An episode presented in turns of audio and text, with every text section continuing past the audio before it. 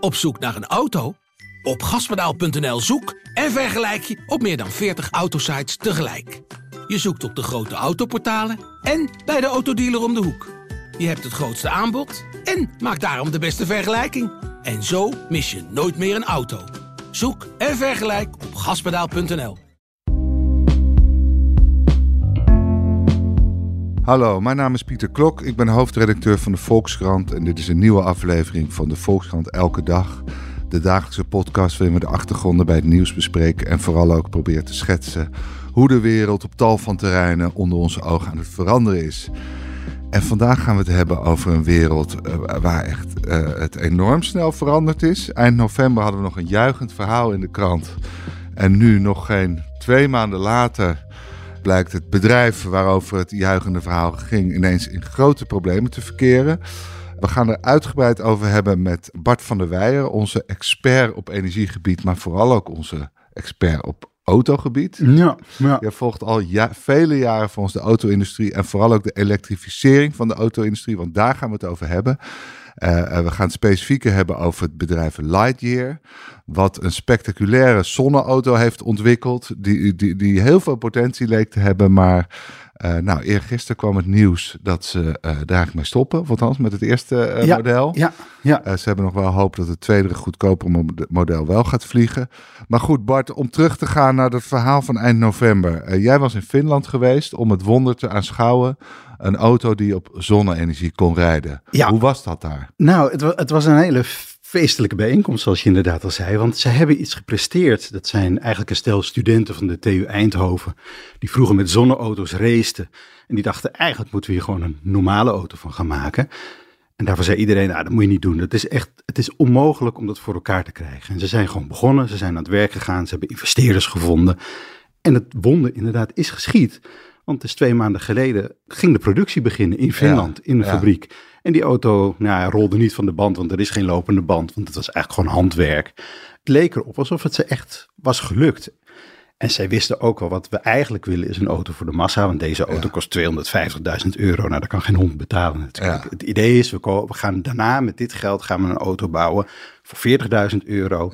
En daar kan dan... Beetje dezelfde ontwikkeling die Tesla heeft doorgemaakt. Je ziet het maar nog, bij elke fabrikant. Nog even naar die Eindhoven studenten. Je hebt natuurlijk die jaarlijkse races. Uh, dan gaan ze ergens in de woestijn. Uh, en, dan, en dan moeten die auto's puur op zonne-energie rijden. En dat zijn altijd hele platte auto's waar net met heel veel moeite mensen in past. Ja, en, en wat zij al anders deden toen, zij dachten van ja, dat is leuk, maar dat kan eigenlijk iedereen. Nou, dat is ook niet helemaal waar. Maar wij willen een gezinsauto. Zij zijn toen naar die race gegaan met een aparte soort auto. Dat was eigenlijk een soort gezinsauto, de Stella. Enorme rammelbak, maar je kon er met z'n vieren in zitten. En dat bleek dus te werken. Je kon puur op de zon, weliswaar in Australië, waar de zon wat meer schijnt, kon je met die auto dus gewoon een paar duizend kilometer rijden. Alleen op zonnekracht. Dus toen dachten ze, nou, als we dat nou handig doen, dan hoe moet ik het voorstellen? Hoe hard gaat zo'n auto? Nou, daar, die gaan daar, ik, ik geloof met 60 km per uur, niet zo heel hard. Uh, maar het mooie van de Lightyear is eigenlijk dat het concept zo ontzettend goed is. Wat zij namelijk hebben gedaan, is ze hebben een auto gemaakt die super efficiënt met energie omgaat. Niet eens vanwege die zonnepanelen, maar gewoon een hele efficiënte auto. Deze auto is twee keer zo zuinig als een gemiddelde elektrische auto. En wat dat betekent is dat je dus op dezelfde accu twee keer zo ver komt. Ja. Of dat je met de halve accu uh, dat je met de helft van je accu net zo ver komt. En dat Ja. hebben zij gedaan. Want een accu is A heel duur, maar ook heel zwaar. Ja. Dus dan neem je de halve helft van de accu, ben je de helft van je gewicht kwijt. Waardoor je motoren minder sterk hoeven te zijn. Waardoor die ook weer lichter kunnen zijn. Waardoor je weer minder accu's nodig hebt. En zo hebben ze een soort spel bedacht hoe je met steeds minder energie net zo ver kan komen. En deze auto is dus de helft zo zuinig als een gewone Maar hoe auto. hebben ze dat gedaan? Hoe kan je een auto in één keer de helft zuiniger maken? Nou ja, dat is iedere keer kijken. prestatie. De stroomlijn iets verbeteren. eh, nou, dan haal je weer wat meer kilometers. Kan je de accu weer wat kleiner maken. Kan je de motor weer wat lichter maken. En, en in dat spel hebben ze dus een auto gemaakt. Maar los van de stroomlijn, waar kun je nog meer op efficiëntie winnen? in Nou, ook auto? met gewichtbesparing bijvoorbeeld. Maar door ook die zonnepanelen erop te leggen, die wekken helemaal niet zo heel veel energie op. Maar omdat je relatief weinig energie nodig hebt, leveren die echt een bijdrage. Ja. En dat, Maar, dus het geheim van Lightyear is, is eigenlijk veel eer dat ze gewoon een heel efficiënte auto hebben ontwikkeld. dat is hun, dat is wat zij heel goed kunnen. ja, en maar dat kun, je toch, niet. dat kun je toch ook. eh, eh, ja, nee, we gaan het nog hebben over de toekomstperspectief. Maar dat kan je toch ook bij andere auto's gebruiken, die technieken? Dat zou je kunnen doen. Dus dat is ook altijd wel iets wat wordt gezegd. Als dit niet lukt, kunnen ze een toeleverancier worden voor de auto-industrie. Ja. Dat is een beetje de vraag of dat gaat lukken, maar dat klopt. Andere fabrikanten kunnen dat ook doen. Maar die vinden het kennelijk te riskant. De auto-industrie is super conservatief. Eh, die zagen eigenlijk zes jaar geleden zagen ze nog heel veel heil in de dieselmotor. Ja. Daar werd gewoon nog gezegd met de dieselmotor, ja, hij was een beetje vies, maar dan maken we hem nu schoon en dan kunnen we daar nu wel de klimaatdoelen mee halen. Dat was nog niet Ja. zo lang geleden. Dus dat is geen industrie die dit meteen Die omarmt. omarmt dit absoluut niet. Die kijken gewoon tot er weer iets neerstort. En dan als het een succes is, nemen ze het over. Ja, maar eh, om, nog even om het af te maken. Waarom werd die auto in Finland gebouwd eigenlijk? Nou, de, in Finland, dat bedrijf dat dat doet, Valmet heet die, die zijn gespecialiseerd in kleine oplagen, dus kleine aantallen. Eh, maar het is wel een serieuze autofabrikant. Ja. Kijk, als je kijkt naar, naar Netcar in Born bijvoorbeeld, die bouwen honderdduizenden auto's per jaar. Dat is echt meteen massawerk. Daar kan je niet mee beginnen. Nee. Dus dit was eigenlijk een soort handgebouwde auto. En dan hoopten ze geld op te halen, zodat ze vervolgens een echte fabriek konden beginnen. Maar je hebt een paar eh, eh, fabrieken die dat kunnen. Op zo'n zo, op Ja, deze dus- schaal ja. auto's bouwen. Ja, op maar Finland heeft verder toch geen auto-industrie? Nee, dit is, geen, het is niet het land waar je als eerste aan denkt. Maar dat is Nederland natuurlijk ook niet, hè? Nee, Nee. goed. Maar jij had dus een verhaal waar we allemaal in deze duistere tijden enorm blij van werden. Ja, Eén, omdat heel dat het, kort. eh, nou ja, het is natuurlijk geweldig dat, dat, dat je op zonne-energie, als je op zonne-energie zou kunnen rijden. En helemaal geweldig dat daar eh, Nederlandse eh, studenten ehm, eh, aan de basis daarvan stonden.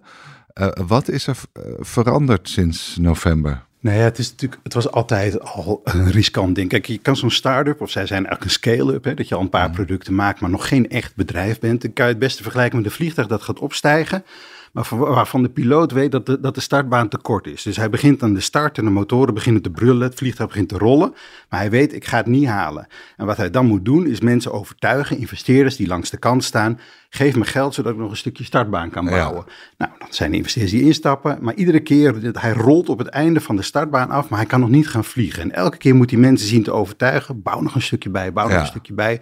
Totdat je van de grond komt en dan gaat het los. En daarvoor zijn dit soort berichten heel belangrijk. Van, Ja. van die eerste auto in Finland. En ze stonden ook nog op de technologiebeurs in Las Vegas. Ja. Ook nog wel als. eh, Als, als eh, met hun volgende auto in feite. Maar dat is dan allemaal bedoeld om in godsnaam maar nieuwe investeerders te vinden. Dit soort bedrijven leven eigenlijk van investeringsronde naar investeringsronde. Ja. Dat is steeds een paar maanden en dan moet je weer geld ophalen. En ja, dan moet je dus ook zorgen dat mensen erin geloven. Ja, Ja. dan ga je niet vertellen, god, het gaat wel heel matigjes. Ik weet niet of we het redden. Nee, dan ga je zeggen, kijk, we zijn begonnen met de productie.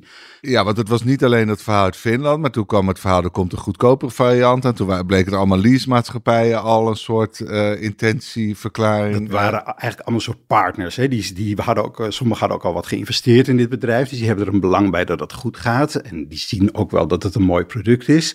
Dus zoals vorige week, dat zei een leasemaatschappij... Ja, we gaan 10.000 eh, eh, pre-orders bestellen van die nieuwe auto... die Ja. er nog helemaal niet is. Ja, er is geen enkele aanbetaling gedaan. Dat stelt niks voor. Maar dat geeft wel een soort gevoel van... oké, het, het, eh, Ja, maar dat gaf mij als lezer ook het gevoel van... hé, hey, dat gaat daar echt heel erg goed. Dat, dit wordt een soort nieuwe Tesla. Want is het altijd zo dat, dat dit soort nieuwe bedrijven... per definitie langs de afgrond scheren? Continu? Dat je... Tesla is natuurlijk ook op een, een aantal keer bijna failliet gegaan. Hè? En die hebben Ja. de grootste moeite gehad om, om die productie op gang te krijgen. De- die kwamen van de ene hel in de andere hel terecht.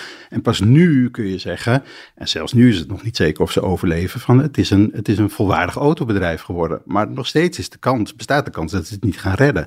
Want het is, kijk, als Maar waar zit nu het grootste risico voor Tesla dan? nou ja, dat de vraag tegenvalt. We zijn nog steeds heel erg aan het investeren in nieuwe fabrieken, in uitbreiding van de productie. Maar er komen eigenlijk geen nieuwe modellen. Die Model 3 is al redelijk voor een auto, is die echt al oud. Nou, Ja. de Tesla Model S, die is al die is sinds 2012 geloof ik. Die is echt stok oud. Ja. En die nieuwe modellen, die, die, die, ze hebben zo'n Cybertruck, wat een beetje een raar ding is. Maar die, die komt maar niet in productie. Dus ze moeten heel lang... Dus op een gegeven moment zeggen klanten ook, nou weet je wat... ik ga die BMW wel kopen. Of die, die, eh, die, eh, de- die- dat leuke Chinese merk, eh, die Ja. MG ga ik kopen. Want die zijn één goedkoper en het is wat moderner. En, dus het, het blijft een Het constant... is continu op het scherp van de snede ben je aan het opereren. Waarbij Zeker met een auto. Een auto is zo ontzettend moeilijk. Kijk, als je een app, een leuke, leuke start-up van een app bent, ja, dan heb je wat ontwikkelaars.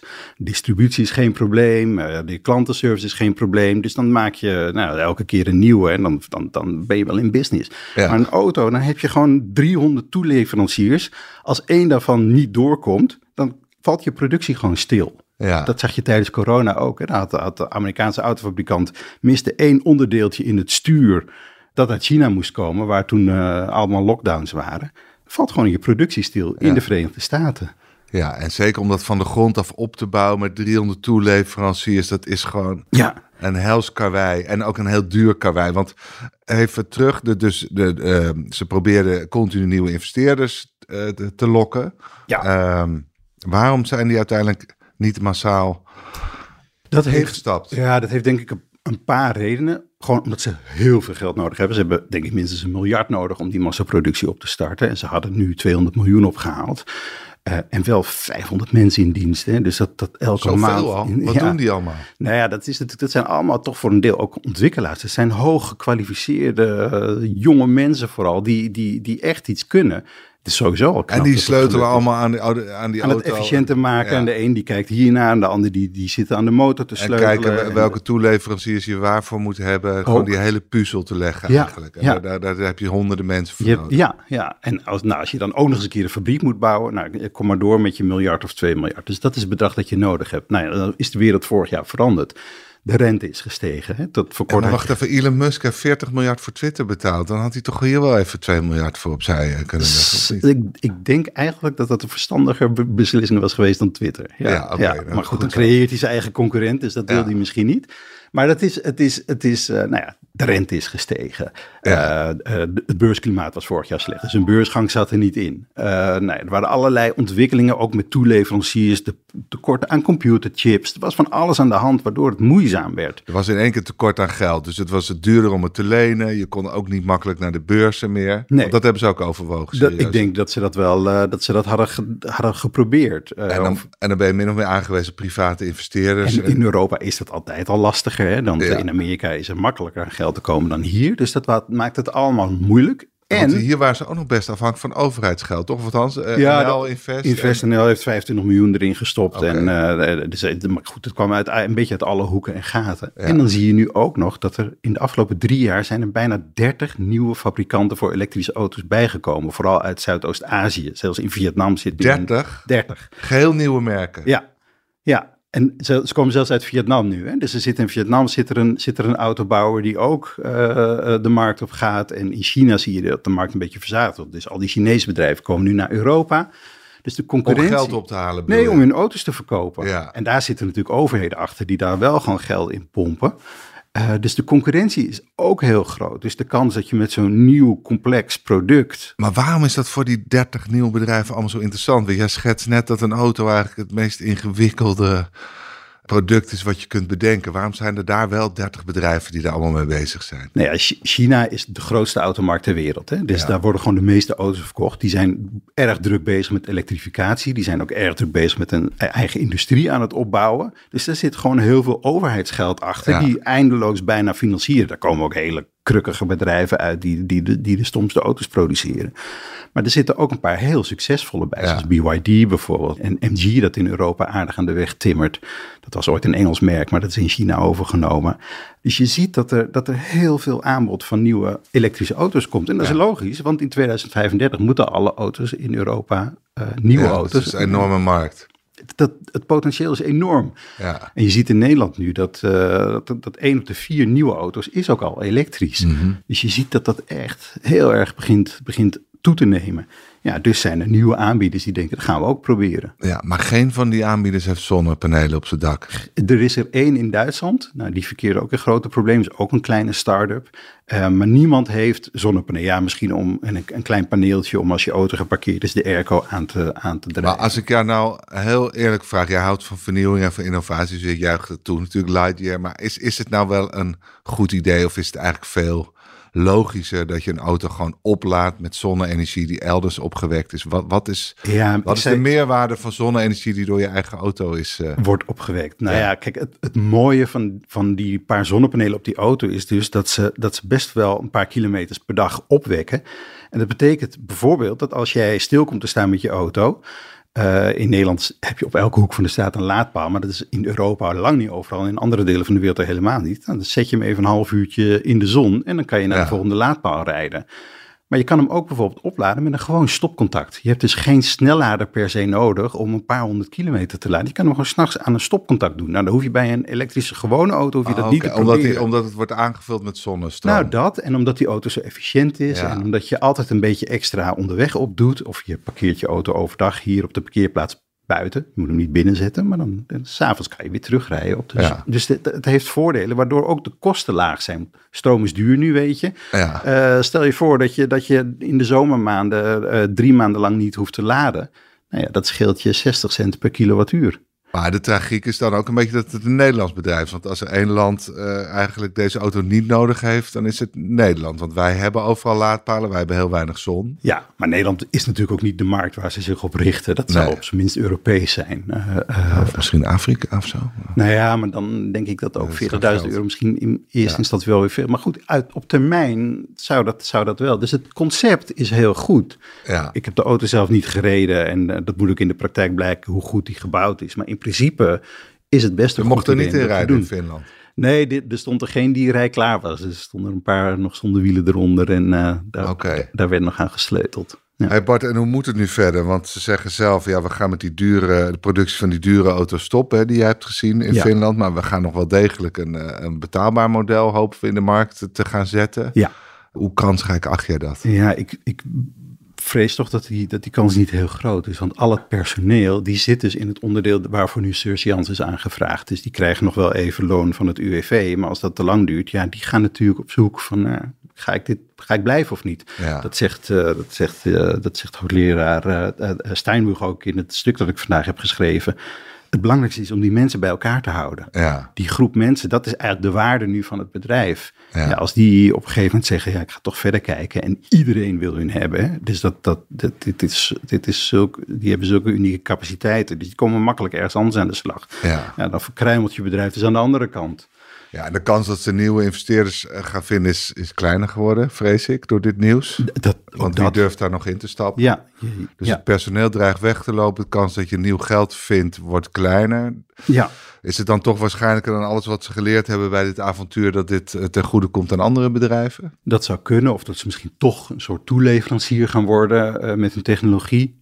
Is ook nog wel, ja, of dat gaat lukken is ook nog een beetje onzeker. En Dus welke technologie zou dat kunnen zijn? Eh, Nou ja, bijvoorbeeld, wat, wat zij vooral hun software bijvoorbeeld. Zij hebben bijvoorbeeld software ontwikkeld waarmee ze heel goed kunnen berekenen hoe je zo'n auto zo efficiënt mogelijk maakt. Ja, Techniek, ze hebben de motoren in de wielen gezet. Die motoren weer, hebben ze niet zelf gebouwd, maar die technologie daarachter, dat hebben ze zelf ontwikkeld. Omdat dat ook weer een beetje energie bespaart. Dus ze hebben wel een aantal toepassingen waarvan je denkt, nou, daar zouden anderen van kunnen profiteren. En Nederland is weliswaar, wij hebben geen echte auto-industrie, maar wel een hele grote toeleveranciersindustrie, ook in die regio.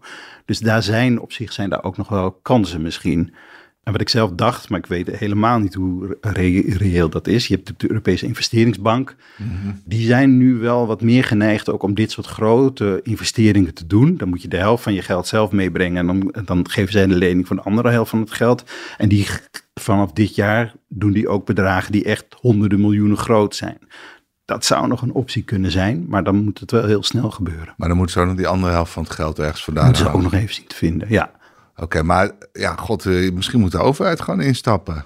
Ja mag Dat dat? is een beetje ouderwets. Ja, het mag waarschijnlijk weer niet van Brussel. Mededinging, ja. ja. De kans dat het allemaal voor niks is geweest is in ieder geval vrij klein. Want, want eh, we hebben eh, heel veel geleerd tijdens dit avontuur. Ja, Als Nederland, als BV Nederland. ja, ja. Eh, dus we hopen dat het verder gaat. Maar hoe, hoe kijk jij naar, naar die markt voor ele- elektrische auto's als geheel? Wie, wie worden daar uiteindelijk de grote spelers? Zijn het de traditionele autobedrijven of verwacht je dat wij uiteindelijk allemaal in een Chinees autootje rondkarren? Nou, tot- een aantal jaar. Tot een paar jaar geleden werd er nog wel lacherig gedaan over de Chinese autofabrikanten. Eh, dat is ook omdat ze in het verleden nog wel eens met, met botsproeven heel slecht uit. eh, maar die, ja, die, ze hebben daar bepaald niet stilgezeten. Eh, ze hebben heel veel kennis opgedaan van Europese bedrijven die daar in China zijn gaan produceren. Ik denk dat de Europese auto-industrie het nog eens heel moeilijk zou kunnen gaan krijgen. De luxe merken, BMW, Mercedes, als die het handig doen, dat komt wel goed. Maar zo'n bedrijf als Volkswagen, ja, is toch ook wel spannend hoor. Die zijn natuurlijk heel vroeg in elektrisch gestapt. Ja. Uh, maar die hebben nu toch wel, hun software is niet heel erg goed. En je hoort de nieuwe baas van Volkswagen, die er sinds een paar maanden zit, die zegt, ja, misschien moeten we toch die verbrandingsmotor toch nog ietsjes rekken. Je ziet een soort, ook een beetje een soort angst van, oh, wat gaat er allemaal gebeuren? Ja, en uh, vanuit uit, uit Zuidoost-Azië, ook vanuit bijvoorbeeld Zuid-Korea, Kia, uh, Hyundai, die komen echt met hele innovatieve producten. Maar waar zit de kunst van de elektrische auto in? Want uh, je moet zorgen voor een... Uh, software. Software. Software. Ja? Je moet, als je software goed is... Kijk, die auto is niet zo ingewikkeld. Ja. Nou ja, Gewoon een batterij. Ja, zeg maar even vergeleken met een auto met een verbrandingsmotor. Je hebt een accu, je hebt een elektromotor. Het is allemaal niet zo heel spannend. Uh, als je dat kunstje kan en je weet juist de toeleveranciers, dan is het eigenlijk de software die bepaalt hoe goed die auto presteert in efficiëntie, maar ook in, in, ja, in gebruiksgemak. Hoe prettig is het interieur? Hoe goed is het multimedia systeem? En ik heb. Wat software speelt ook een rol bij hoe prettig is het interieur? Nou ja, dat je, dat je het, nee, dat is een onderdeel van het, Ja, van het als je lekker, ja, als die interieur goed is, dat je, dat je, dat is minder belangrijk bijna dan het uiterlijk. Maar ik had, tot, ik rij wel dus vrij vaak elektrische auto's eh, voor een stukje in de krant. Ik had tot twee jaar geleden nog wel eens een elektrische auto. Dat als je dan een laadpaal zocht, dat die je dan naar een gewoon tankstation leidde voor Ja. benzine. Ja. Dat is iets wat, wat oude, of bestaande autofabrikanten helemaal niet goed inzien. Dat, dat Ja. die software goed moet zijn. Dat is iets wat Elon Musk natuurlijk wel wist. Daarom zijn Tesla's ook zo goed, omdat hun software heel goed is. Oké, maar dan is er toch geen enkele reden om te denken dat Volkswagen daar beter in gaat worden. Want dat is nooit een softwarebedrijf. Dat is het. Nee, nee dus dat, dat is hun grootste. Ik denk dat dat hun grootste uitdaging nu is. En die, en die dure merken kunnen gewoon blijvend profiteren van hun merkuitstraling en, en, eh, de- Ja. en hun chique uitstraling. Maar merken die dat minder hebben, die het van oudsher vooral van hun prestaties moeten hebben, die kunnen het wel heel moeilijk gaan krijgen. Ja, als ik nu een MG koop die, eh, die eh, voor, voor, voor driekwart van het geld van een Volkswagen, die ongeveer hetzelfde kan, dan denk ik dat vrij veel mensen toch denken, doe maar maar die Chinezen. Oké, goed. Bart, blijf het voor ons in de gaten houden. En eh, nou ja, we- misschien als het echt slecht of toch nog goed met Lightyear eh, afloopt, eh, eh, dan hebben we je graag weer hier. U luisteraar, dank voor het luisteren naar deze aflevering van de Volkskrant Elke Dag. Morgen zijn we er weer. Graag tot dan.